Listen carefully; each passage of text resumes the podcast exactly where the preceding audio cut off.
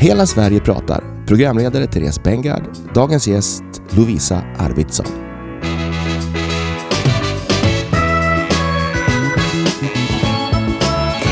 Då eh, säger jag så här. Hej Lovisa och välkommen till Hela Sverige pratar-podden.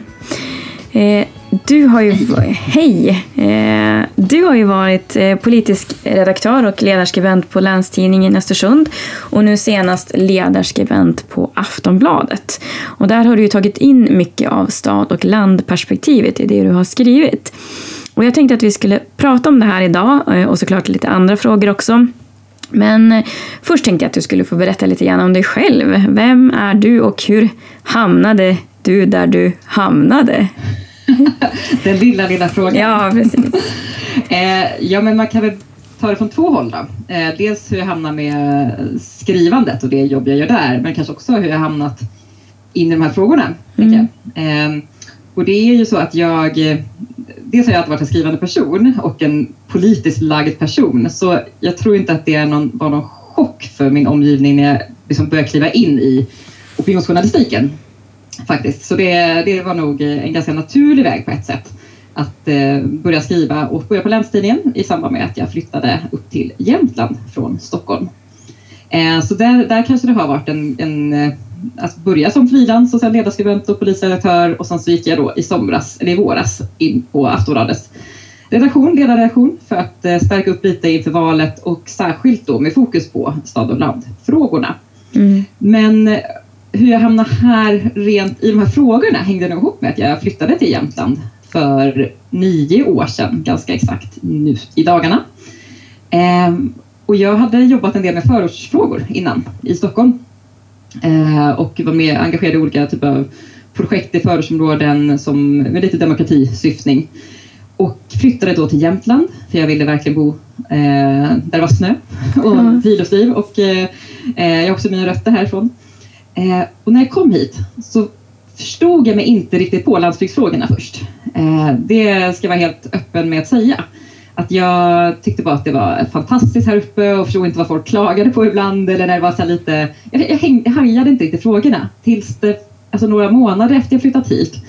Och det slog mig att den analys jag själv mycket kommit att använda för att också så här, jobba i förortsområden, den var väldigt lik den, och så säga, de strukturella problem jag också såg på landsbygden. Så det var väldigt, väldigt lika analyser eh, i marginaliserade områden i storstadsområden som det också är i delar av svensk landsbygd där man, alltså, utan att någon aktivt driver på det kanske, så är det en, på många håll en fantastisk utveckling. Men på många håll är det också en så stegvis, eh, gradvis eh, lite försämring i, mm. alltså så mycket handlar om för, alltså, fördelning av resurser.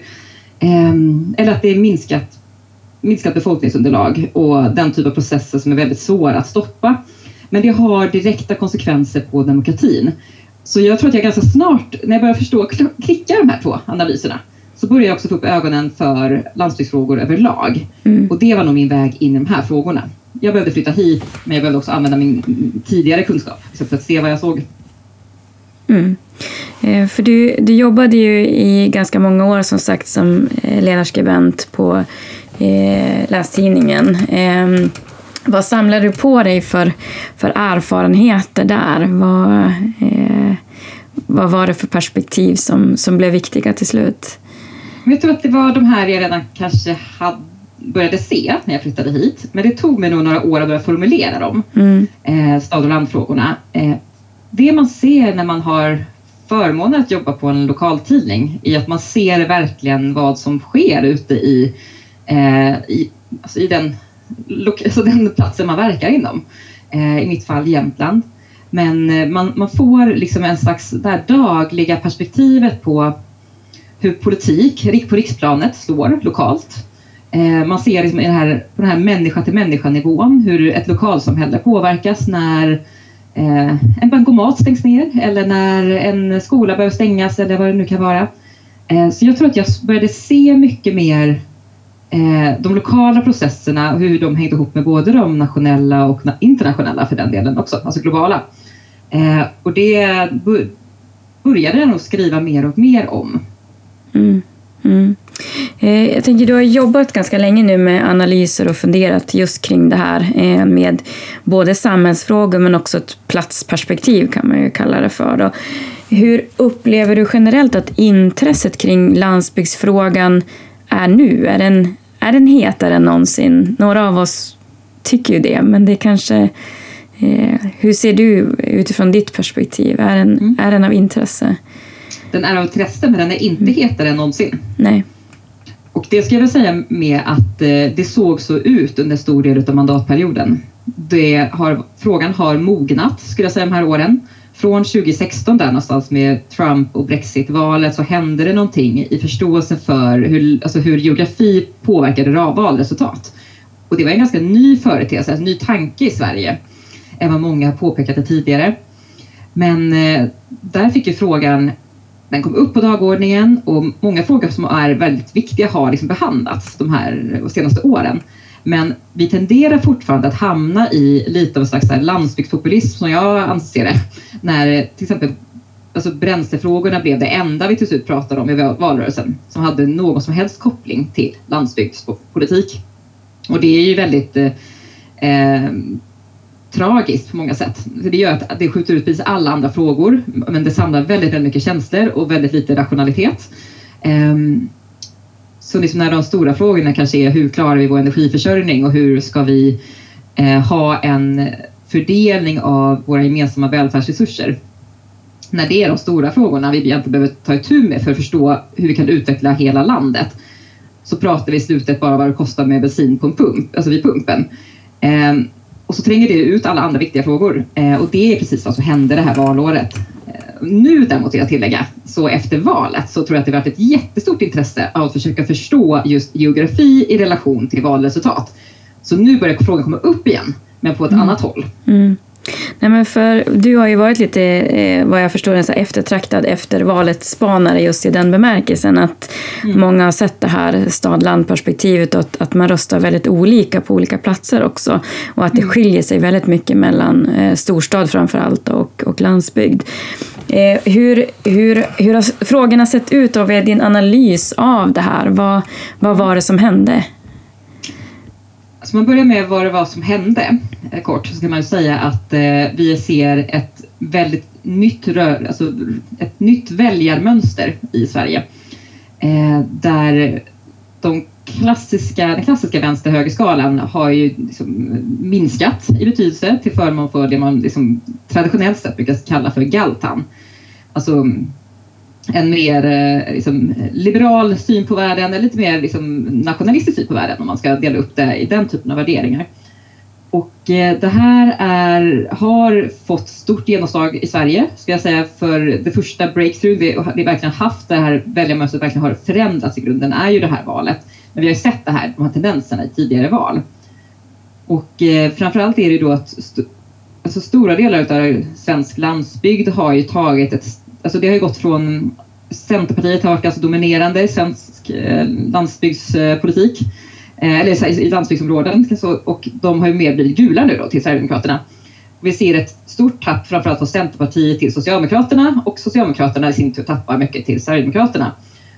Naturligtvis sker det fler väljarmönster också, men vi ser att detta är mycket vad som har hänt på landsbygd. Eh, där också många gånger Socialdemokraterna varit dominerande men där har det hänt någonting och storstäderna då har blivit mer röda och progressiva. Och här tror jag att det måste man förstå inte bara handlar om rasism, är väl egentligen min analys.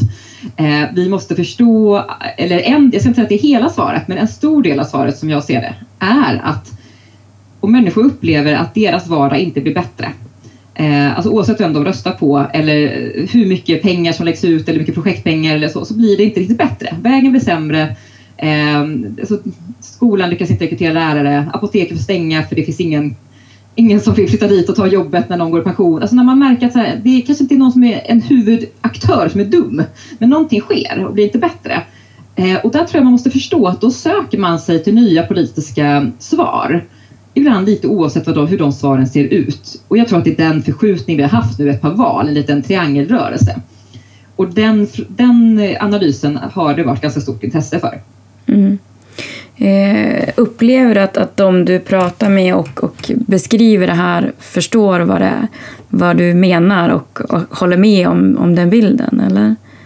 Jag har sett väldigt mycket fågelholkar den här hösten. Och det är ju intressant i sig. Alltså när jag pratar om det där med att, liksom, hur man, många upplever att deras vardag inte blir bättre, eh, eller framförallt kanske tvärtom många delar.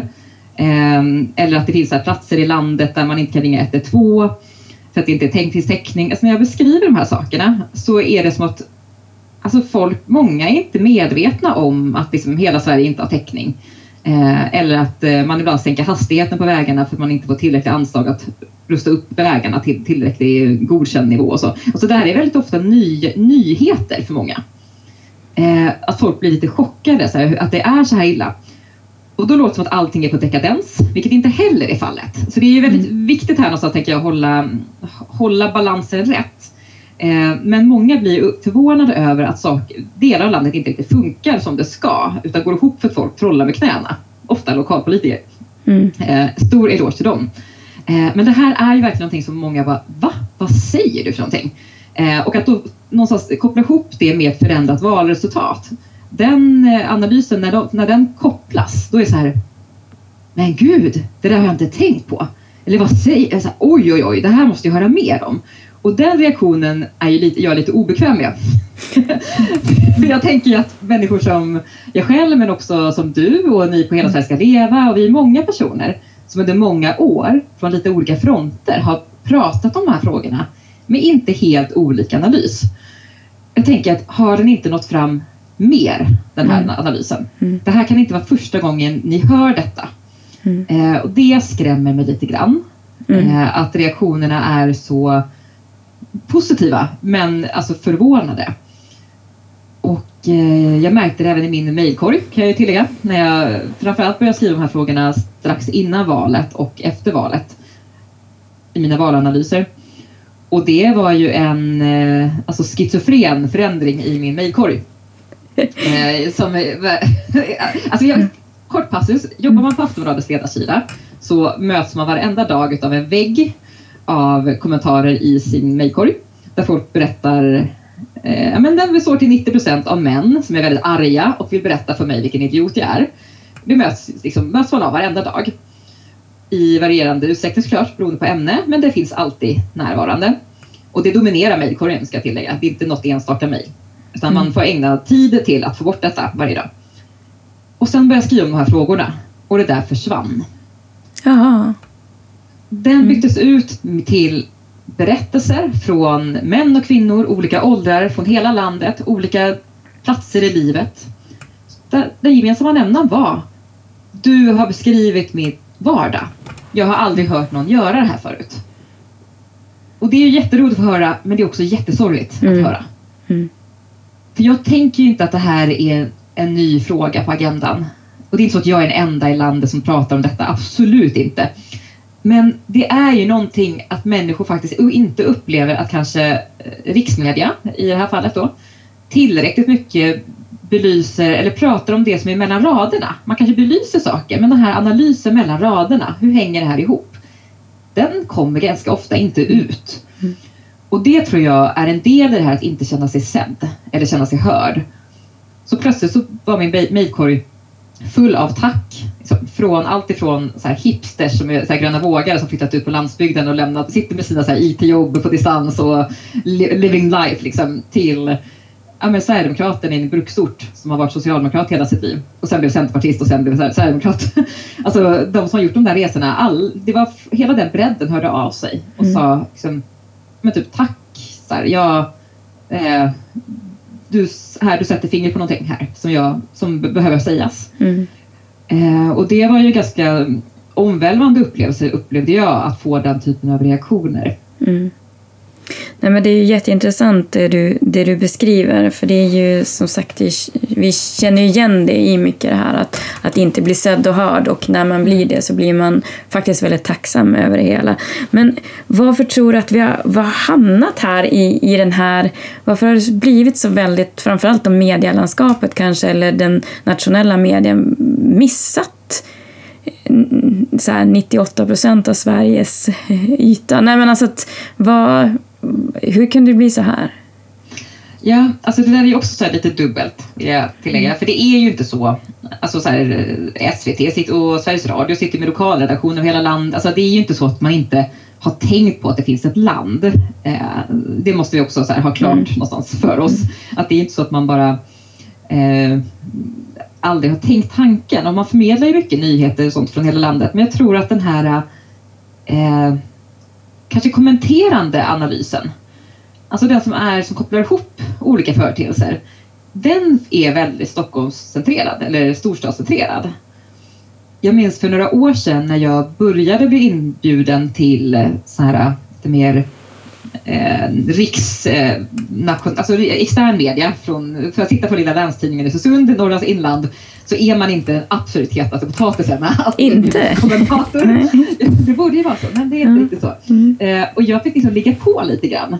Eh, så jag hamnade av en slump lite grann på ett ganska stort gig på Almedalen. Och eh, jag var jätteglad såklart för det och eh, minns att jag så här blev, dels blev bemött som så här, men du kunde göra det här precis som vilken annan som helst. Mm. Och jag kände så här, ja, jag gör ju samma jobb som de som sitter i Stockholm fast jag sitter i Jämtland. Och så, försökte, så berättade jag det här för producenten. Och, och så här, men varför bjuder ni aldrig in oss normalt sett? Alltså vi som sitter ute i landet. Varför är det så sällan som frågan ens når ut i landet? Och det var ju så här, det här var 2017, 2018. Den frågeställningen var ju ganska ny. Mm. Alltså förstår du? Och det är så märkligt, det är inte så många år sedan. Medan idag vet jag att de här redaktionerna anstränger sig ganska hårt för att faktiskt hitta eh, en geografisk spridning. Men det, det är ju för fem år sedan var det inte så. Nej. Så det är ju någonting ändå som händer där i tiden. Och jag tror att det är tyvärr så enkelt att det finns en bekvämlighet. Man tar de namn man känner till, man tar de röster, man vill gärna paketera in folk i små boxar. Vem som säger vad och vem som representerar vad. Eh, och det påverkar ju då vilka man plockar in, helt enkelt. Mm. Mm. Eh, ser du med tillförsikt på framtiden när det gäller det här? Tror du att bland annat valresultatet men också det som, som har hänt som du säger att ändå medielandskapet förändras lite grann. Tror du kommer att, att fortsätta i den riktningen och kanske bli fler röster från flera olika platser? Ja, men jag tror det. Eh, jag tror att man bör förstå att man faktiskt missar någonting aktivt. Att för några år sedan hade vi en diskussion som var någon slags offerkofta. Eh, alltså en offerkoftediskussion och det är någonstans ändå någon slags botten det är någon slags lägsta nivån på diskussion om landsbygd kan jag känna. Ehm, att eh, den som klagar eller eh, kritiserar är missnöjd. Det är ju så här eh, sämre, alltså ska vi ta det, applicera det perspektivet på kvinnorörelsen eller på argumentera för etnisk mångfald. Alltså det är ju helt absurt om man ska hamna på offerkofte-diskussionnivån. Men där var vi för inte så många år sedan och där har det ju ändå hänt någonting och idag förstår man ju att man saknar, man blir, man på riktigt tapp, får inte hela bilden och det är skadligt liksom. Så jag upplever att ändå de stora redaktionerna i media-Sverige verkligen aktivt jobbar för detta. Eh, men jag tror inte man kanske har kommit så långt som, som man tror ibland. Eh, så, mm. om jag ska vara diplomatisk. Ja, det, det, behövs lite till om vi säger så. Det behövs lite till, men jag ser absolut med tillförsikt. Mm. Eh, jag tänkte ju, du gick ju då som du beskriver från en, en mer lokal, regional medieplattform till en nationell eh, sådan på Aftonbladet. Hur tyckte du att dina idéer och dina perspektiv bemöttes där? Eh, alltså att, hur... Eh, med all respekt för mina underbara kollegor på Aftonbladet eh, så tror jag att de, det tog en liten stund innan de förstod. Men det tog också en liten stund för mig att lyckas formulera det i, vad ska jag säga, kvällstidningsformat. Mm. Jag kämpade nog själv lite med det. Eh, att hitta den typen av analys. För det, alltså, man måste också förstå att kvällstidnings opinionsjournalistik, det är lite opinionsjournalistik på steroider. Och det, det, lite tillspetsat så. Ja, det är lite tillspetsat, exakt. Mm. Och det har man liksom lite av en... Jag är väldigt analysbaserad i det mesta jag gör. Eh, och då måste man också vara lite... För mig det tog lite tid att hitta en tonalitet som gick hem, som inte var alarmistisk men inte heller var för skämtsamt bortviftande av det som pågår. Eh, och när jag väl hittade den tonaliteten ska jag säga, då, då var det, togs emot väldigt, väldigt väl av mina kollegor. Det var snarare tvärtom att Lovisa, kom här, det här är din, din, puck, din puck det här. Mm. Eh, att man, det här var någonting man också tror jag såg att man inte hade jobbat jättemycket med tidigare och uppskattade och eh, verkligen kände jag nog för mina kollegor ett stöd av att liksom dunka på med. Eh, så. Mm. Och att jag satt på den analysen som, som också där och då behövde göras. Så jag kände nog ett jättestort stöd. Men jag tror inte man riktigt förstod vad jag pratade om i början. Nej. Nej, men poletten föll ner där. Ja, Så, oh ja, ja, absolut, ja. det gjorde den. Ja, de gjorde samma resa kanske som du gjorde när du flyttade till länet. Så Ja, att, men kanske, mm, kanske. Du tog med dig på dem, dem på den i alla fall. Men eh, är, det någon, är det någon speciell av de här texterna som du skrev för Aftonbladet som du känner att den där, eh, den, den blev extra bra, den där fick jag till det eller att du fick extra mycket kommentarer eller var det mer? Mm. Ja. Mm, det finns en text. Mm. Och det är så ironiskt, så den blev nästan inte skriven. Eh, för jag var fruktansvärt sliten och sprang runt på massa olika eh, extern media-grejer. Jag alltså stod på olika scener, pratade olika radioprogram och skrev ju också för tidningen varje dag. Alltså, man, skriver, man producerar väldigt mycket text när man jobbar på en ledarsida som är som stor som Aftonbladet. Eh, så att jag vet att, jag minns att det var så här gränstupp på om jag skulle hinna skriva den. Men att jag hade den i mig också som Mm. ämne. Och jag, det var texten som kom strax efter valet och jag tror titeln är Om inget görs blir Sverigedemokraterna största parti i nästa val. Ehm, och den, den var sån här text som jag bara kände att jag hade i mig och behövde komma ut. Och den skrev sig själv på liksom 45 minuter. Ehm, jag tror jag hade ett, ett par sådana texter som bara skrev sig själv. Mm. Ehm, och det, den var så viktig för mig att skriva. Att den... Ja, och den, det var också den som på något sätt öppnade hela den här diskussionen. Jag hade skrivit texter tidigare på samma tema. Men utan i närheten av den typen av respons. Men där tror jag att det var någon slags rakhet eh, som bara gick rakt genom det bruset. Och det syntes ju också i statistiken. Mm. Ja, jag förstår att de, de mäter mycket det, det ni gör såklart. Så, Man mäter ja. väldigt mycket. ja, precis. Eh, Jag tänkte att vi skulle gå till lite mer, för du har ju ehm, pratat och skrivit mycket egentligen då, lite grann beroende på man ser, men just om den här urbana normen som, som ändå Mm. finns och råder. Eh, och det är väl den du försöker också ibland synliggöra. Ehm, eh, har du något bra eller kanske då dåligt exempel på när just den urbana normen ger sig uttryck eller, eller finns det där som eh, har du något, eh, du vet såhär då? Ja, jag förstår. mm, mm. Eh, nej, men det har jag kanske inte. Jag skulle nog säga att det i så fall är den här fågelholkarna jag möttes av Mm. när jag började prata om de här sakerna. Alltså att människor sitter med all välvilja och är så här, men gud. Liksom. Eh, och det är ju inte för det här är människor som går runt och är, är vägrar ta in kunskap eller tvärtom är det personer som är väldigt liksom, samhällsintresserade. Eh, men när jag inser hur lite de här frågorna som ändå vi i Jämtland där jag lever och verkar tar för ganska givna. Att, man, att folk känner till vilka, så här, eh, hur, en- hur en kommun på glesbygden kämpar för att få ihop liksom var, alltså den grundläggande lagstadgade välfärden. Det är, liksom, det är så här, skåpmat här uppe där jag bor. Det är inga konstigheter. Det är att varenda person som lever i en glesbygdskommun, att lite, oavsett vem det är som styr, så kommer de få kämpa för att överhuvudtaget behålla skolorna och kollektivtrafiken och vägarna och bla bla bla. bla. Det där är ju liksom så här nyheter för väldigt många. Eh, och det insåg jag ganska snabbt när jag kom till Aftonbladet att, att jag behövde liksom sänka den ribban lite grann och gå lite tillbaka till basics. Alltså att eh, påtala de här Mm. sakerna, alltså om och om igen. Och det var ju lite grann för jag märkte att så här, det här var liksom nytt för folk. Och det trodde jag nog inte. Det är väl min aha-upplevelse från den här valrörelsen. Mm. Att jag trodde på nationell nivå att vi har kommit längre i de här frågorna och kände nog att det har vi nog inte riktigt. Vi behöver liksom både hålla den här ganska analytiska nivån men också back to basics, vi påtala att de här sakerna finns, existerar. Man låter som en domedagsprofet. Mm. Det är inte meningen att man ska göra, det är inte det jag vill. Men det är fortfarande lite grann där vi behöver röra oss emellanåt. Mm. Eh, det, det som det gör är också att det skapar kanske kunskap och förståelse om olika platsers förutsättningar. Eh, men en annan baksida som man också kan se nu är väl att, att frågan just om polarisering är ganska aktuell också. Att just blir de här olika typerna av lägren, man förstår inte riktigt varann, man, mm. man gräver i princip diken mellan varann så. Eh, tycker du att det finns en polarisering idag och vad får det för konsekvenser i sådana fall? Ja, jag skulle säga att det finns två slags polariseringar eh, som inte behöver finnas egentligen, men där tror jag tyvärr har blivit lite det.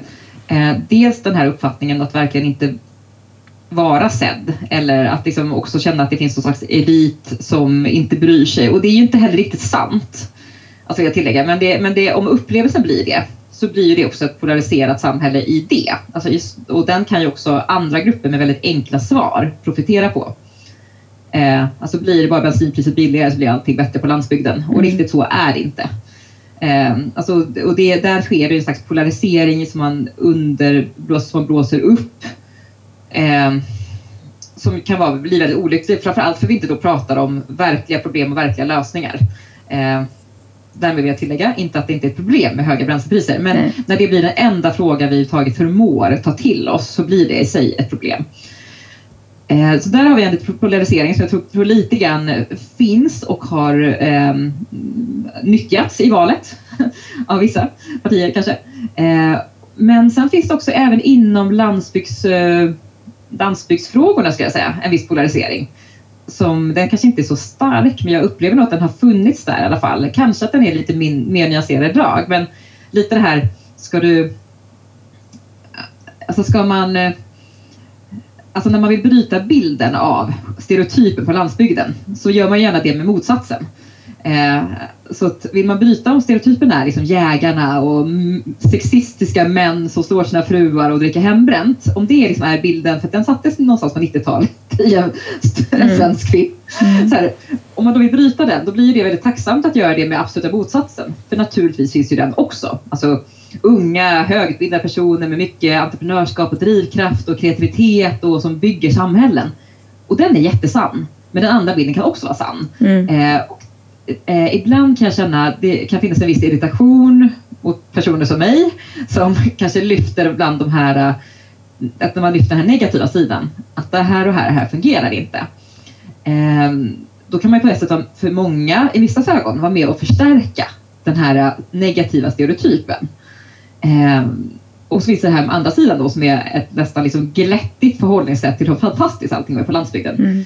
Och det är det ju, men det är också inte det. liksom. Och jag tror att de här två, där finns en hela tiden en risk i polarisering i hur vi förhåller oss till en fråga där egentligen båda bilderna är lika sanna och, och måste också få synas och höras och också allt däremellan. Och det mm. tycker väl jag är rätt viktigt eh, liksom när jag pratar om de här frågorna, hoppas jag i alla fall kom fram, att liksom det, det är också en verklighet bland många, precis som en, en etnisk minoritet inte vill bara bli föreställd som det ena eller andra, för man är bara människor och allting finns däremellan. Mm. Eh, så finns det det på landsbygden. Och där tror jag att det här, ju fler röster som syns och hörs, eh, måste komma in och inte bara en landsbygdsröst som reppar landsbygden. För det är en heterogen grupp människor som utgör en stor del av Sveriges yta och det måste börja höras och synas att det är så. Mm. Eh, nej, men jag, jag håller med dig till 100 procent. Det är precis den, den eh, bilden vi har också. Att det finns eh, både det som är bra och det som är dåligt och, och allting däremellan på något vis. Och, men att det sällan blir den här mångfalden av olika bilder som, som visas. Och där pratar vi bland annat om det här landsbygd R, att, att det är mm. plural också, att det inte mm. finns en enda del. Men sen så, så om man ska göra ännu mer komplicerat så finns det ju också Alltså det är ju inte bara storstäder utan det finns ju städer, det finns mindre städer, det finns oh, olika ja. geografiska platser, det finns bruksorter, det finns mm. så att det blir lätt hänt också att det är stad och land men, men det finns ju också andra platser som känner sig inte sedda eller hörda eller ja, inte med på det här. Så, så det gör det ja, ännu mer komplicerat. Och, och, och, man ska komplicera då ytterligare och lägga på den här liksom valanalysaspekten av mm. detta. Så det är där många inte förstår sig på, eller alltså många av oss just nu faktiskt sitter och försöker ja, men, klura ut varför känner man sig om man ändå har så här fungerande infrastruktur, skolan har lärare, alltså ens, ens närsamhälle är ändå en fungerande, fungerande plats. Och ändå känner man sig liksom, ja men, jag är uppvuxen i Nynäshamn som ligger en timme söder om Stockholm. Eh, och liksom, det finns ju orter däremellan som är mycket närmare Stockholm som verkligen har samma typ av landsbygdsröstmönster, eh, väljarmönster mm. som eh, glesaste glesbygden. Liksom, vad är det? Då är det någonting annat. För det är ju inte så att du inte, där har du ju du har tillgång till Stockholms arbetsmarknad, du har tillgång till den infrastrukturen och allt däremellan. Och ändå så har du, upp, alltså ändå är du någon slags upplevelsen av någon slags så här, eh, globaliseringens förlorare, eller vad man ska säga, om man nu ska prata i den typen av stora metatermer. Mm. Eh, det är ju ändå någonting som då ibland handlar om känsla mer än faktisk materialitet. Mm. Och den lilla nöten, den tror jag att vi är många som behöver vara med och försöka knäcka. För då är det ändå någonting som är alltså, som kommer ha faktiska konsekvenser eh, i hur människor agerar och lever. Men, men man kan inte bara be, alltså, bemöta dem med eh, resurser eller uppmärksamhet eller så vidare. Mm. Det skulle jag hoppas att det finns lite så mer forskning på eller kunskap om inom kort. Ja, det, det får vi verkligen hoppas på. Um, det här kanske är en svår fråga, men jag tänker, har, har du något tips till eh, politiker och andra just att, för jag menar de har ju också ett ganska stort ansvar i det här hur man lägger fram saker och hur man eh, berättar bilden om samhället som vi lever i mm. och så vidare. Finns det i alla fall någon fallgrop de inte ska falla i eller? Eh, jag kan säga att jag har ju fått några sådana samtal ja. åren till, i egenskap av polisredaktör. Ja. Det är så här, varför landar inte den här grejen? Mm. Eh, och det, jag har ju ibland gett mina tips och råd i högsta konfidentialitet i den stunden, alltså gett mitt perspektiv på saken. Men det där är ju verkligen, det är ju en verklighet att eh, politiker framförallt inte alltid vet hur de ska hantera de här frågorna. Eh, eller inte heller riktigt förstår sig på vad som sker eller, eller vill förstå. Liksom, söker verkligen. Eh, alltså mitt, jag, på samma sätt som man brukar prata om så här follow the money när man liksom, i, i, alla fall krimserier och sånt. Eh, så tänker jag att det är lite samma sak med, med politik och hur människor eh, upplever sin vardag. Alltså du måste följa de politiska besluten. Eh, alltså om det är så att du har en grupp människor som är väldigt missnöjda någonstans med någonting och tycker allt är skit med samhället. Då måste du någonstans ändå så här eh, börja gräva i där de står i vad är det egentligen som har drabbat dem? Vad är detta? Vad är det uttryck för? Alltså är det så att plötsligt många då saknar jobb för att det inte finns... För, men, jobbet har flyttat till Bangladesh liksom, och industrin finns inte kvar och så vidare. Då är det så här, kan ju vara ganska direkt konsekvens av ett beslut någonstans. Eh, och det betyder inte att det beslutet är rätt eller fel, vill jag tillägga. Men det betyder att det är, är den effekten det här har fått. Mm. Eh, och samma sak om man pratar om så här, eh, försämringar i a-kassa eller eh, sjukskrivningar och så vidare. Alltså den, många gånger så är det ju faktiskt så att när människor upplever att någonting är radikalt dåligt i deras liv så hänger det ihop med någon typ av större samhällsförändring eller, eller politiskt beslut. Och den tror jag man ska försöka titta mer på ibland. Vad fick det här konkret för effekt på människor? Um, och då kanske man lite mer kan lägga det mosaikpusslet. Mm. För det är inte en och samma sak som har drabbat människor över hela landet i svensk glesbygd. Alltså ibland är man förbannad för att det inte finns fiber. Men ibland är det för att vårdcentralen lades ner eller att det inte är en bankomat. Eller, mm. alltså det är ju, man måste ju på något sätt förstå det, det, det pusslet och hur specifikt lokalt det är. Eh, och där tror jag kanske att våra, återigen, så här, våra lokalpolitiker är de största nycklarna till att kasta den pucken uppåt i sina egna partiorganisationer. Mm. Och det tror jag man behöver bli bättre på, på central nivå i, nu nämner jag inga särskilda partier, men i, på central nivå i partier att lyssna lite mer ut i landet hos sina egna företrädare. För de är ju ofta mitt i denna lokalitet. Mm. Jo, och, och får sina mailboxar fyllda med. Eller om man är ute och, och promenerar och eh, så. Mm. Nej, men eh, det kan jag hålla med om. Eh, om vi nu går tillbaka då till, till själva medielandskapet också. Om man mm. skulle tänka samma sak där. Alltså att du beskriver ju ändå att, att man kanske är lite förvånad över det här att man inte har fångat upp hela bilden, i alla fall på de nationella mediernas håll. Vad, vad skulle det behövas där då eh, i framtidens medielandskap för att ja, men, överbrygga de här klyftorna och kanske mm. Skapa mer kunskap mellan olika typer av platser? Så jag skulle säga det klassiska svaret, representation. Mm. Alltså jag tror att vi inte kan eh, komma vidare i vissa frågor om man inte Alltså om inte människor med direkt erfarenhet och eh, utblick eh, hörs mer. Och det är exakt samma frågor som Alltså jag jobbade mycket med mångfaldsfrågor då när jag jobbade med olika förortsområden. Alltså får du inte in personer från, alltså hörs inte deras röster i nationell media? Är det ingen som syns på, liksom, i tablån, har en annan hudfärg än svensk, eller vit liksom, så bakgrund? Det är klart att du kommer ha svårt att skildra en annan typ av eh, väg om du, inte har, om du inte får in de rösterna. Det är liksom inte särskilt svårt. Eller kvinnor, alltså ja, vad det nu är för frågor. Och med det sagt så vill jag verkligen poängtera att det inte handlar om att det är bara de personerna som kan göra en sån analys. Det är det verkligen inte. Eh, men det är en förutsättning för att man ska kunna ha en relevant spegling så måste du också ha en geografisk spridning, precis som du behöver spridning i andra typer av grupper av människor. Och den, det är egentligen bara där man kan börja. Och det tror jag börjar ske. Ehm, men det är fortfarande på ett väldigt banalt stadium och jag hoppas att precis som förortsfrågorna har blivit mycket, mycket mognare idag. Vi förstår komplexiteten i de här frågorna mycket mer än när det var för några år sedan skulle jag säga att det var en ganska så här rasistiskt präglad debatt. Att, eh, Okej, okay, förlåt, det ska jag inte säga att det inte är idag. Men mm. det var, jag upplevde att det fanns en mindre förståelse för vad som skedde i de här orterna när liksom, klyftor fick breda ut sig så pass mycket. Eh, nu börjar den typen av kunskap finnas lite mer och jag tror vi har lite samma på svensk glesbygd och landsbygd. Eh, att man börjar förstå det här lite mellan raderna och inte bara de här, de här skrikiga positionerna börjar man där och försöker hitta de här mellanrummen och de här rösterna däremellan, då har man helt andra förutsättningar. Mm. Nej, Nej jag, kan, jag kan bara hålla med.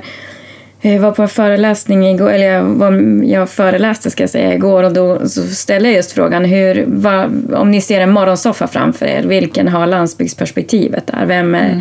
Landsbygdens röst? Och, och de kunde inte namedroppa någon på något vis. Nej. Nej. Nej. Eh, och det är ju lite grann så det ser ut att att man kanske också behöver ha ett platsperspektiv i de här delarna, inte bara kön eller etnicitet eller annat mm. utan även mm. eh, plats eh, får en betydelse. Mm. Ja, alltså jag tror att geografin är det nya, först var det kön, alltså mm. rent här, räkna mm. huvuden i hur många som syns ja. i olika tv-program. Det är ju inte jättemånga år det har på nacken, ja. att man har börjat liksom engagera sig att det är viktigt.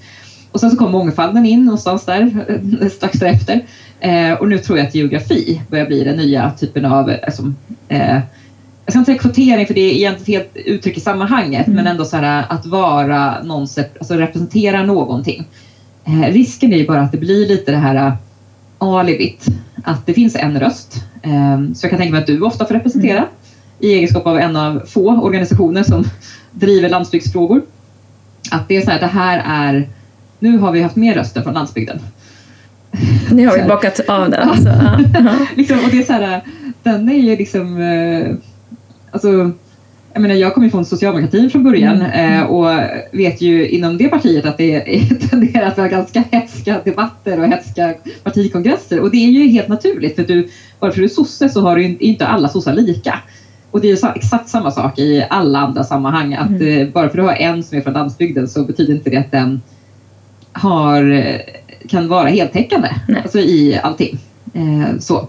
Så jag önskar ju bara att det skulle finnas lite, en större bredd. Eh, jag skulle gärna diskutera landsbygdspolitik med en annan person som också driver landsbygdsfrågor. Mm. Jag är inte säker på att jag på Tidholm alltid har, tycker samma eller personer som bor och verkar där jag är. Eh, de kanske är skitstörda på mitt sätt att driva landsbygdsfrågor i Aftonbladet. Mm. Eh, kanske tycker det är jättealarmistiskt eller vad det är. Liksom. Alltså, det finns ju massa nyanser där som behöver höras. Och det längtar jag efter att få höras och jag längtar efter att få möta dem liksom, i, i, i tal och skrift. Alltså i, i fler medier än i våra egna liksom, eh, kommentarsfält på Facebook. Mm. Det tycker jag låter som en strålande avslutning på ett eh, fantastiskt samtal. Eh, jag har samma längtan som dig kan jag säga. Så. Men nu kommer vi till den sista och svåraste frågan i den här podden. Jag ställer den här till alla. Och det är ju om du hade en låt som var ditt soundtrack, om vi skulle spela en låt när du kommer in på scen eller in i ett radioprogram, vad, vad skulle det vara för låt och, och varför ska vi då spela den? Ja, alltså det, var ju, det här var ju den svåraste frågan ja. när jag fick liksom höra mm. vad vi skulle prata om innan. jag kunde nämligen bara landa, jag kunde landa i två sånger. Mm. Jag hittade inte en helt och hållet. Eh, men den ena är Miss Lis Lev nu, dö sen. Mm. Jag tycker att det är väldigt kul att leva.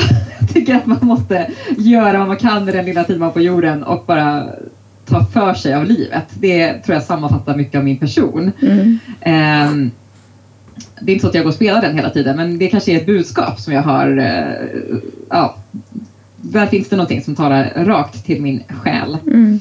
Eh, men sen så är det en annan sång som är mycket mer melankolisk eh, men som kanske också speglar mig lite grann. Och det är låten eh, Sound of Silence med Simon Garfunkel. Mm. Som jag tror jag hörde första gången när jag gick i gymnasiet och blev helt hänförd av hur vacker den var. Men jag märker att jag återkommer till den och spelar den till och från ganska mycket i mitt liv under vissa perioder. Och jag tror att det är någonting dels i tonerna, liksom, men också i själva texten och budskapet att det, alltså tystnad gör någonting med människor. Eh, mm. Rädsla gör någonting med människor när det breder ut sig. Och eh, det är någonting i mig som blir, jag känner en oerhörd frustration om jag känner att det finns saker man inte pratar om.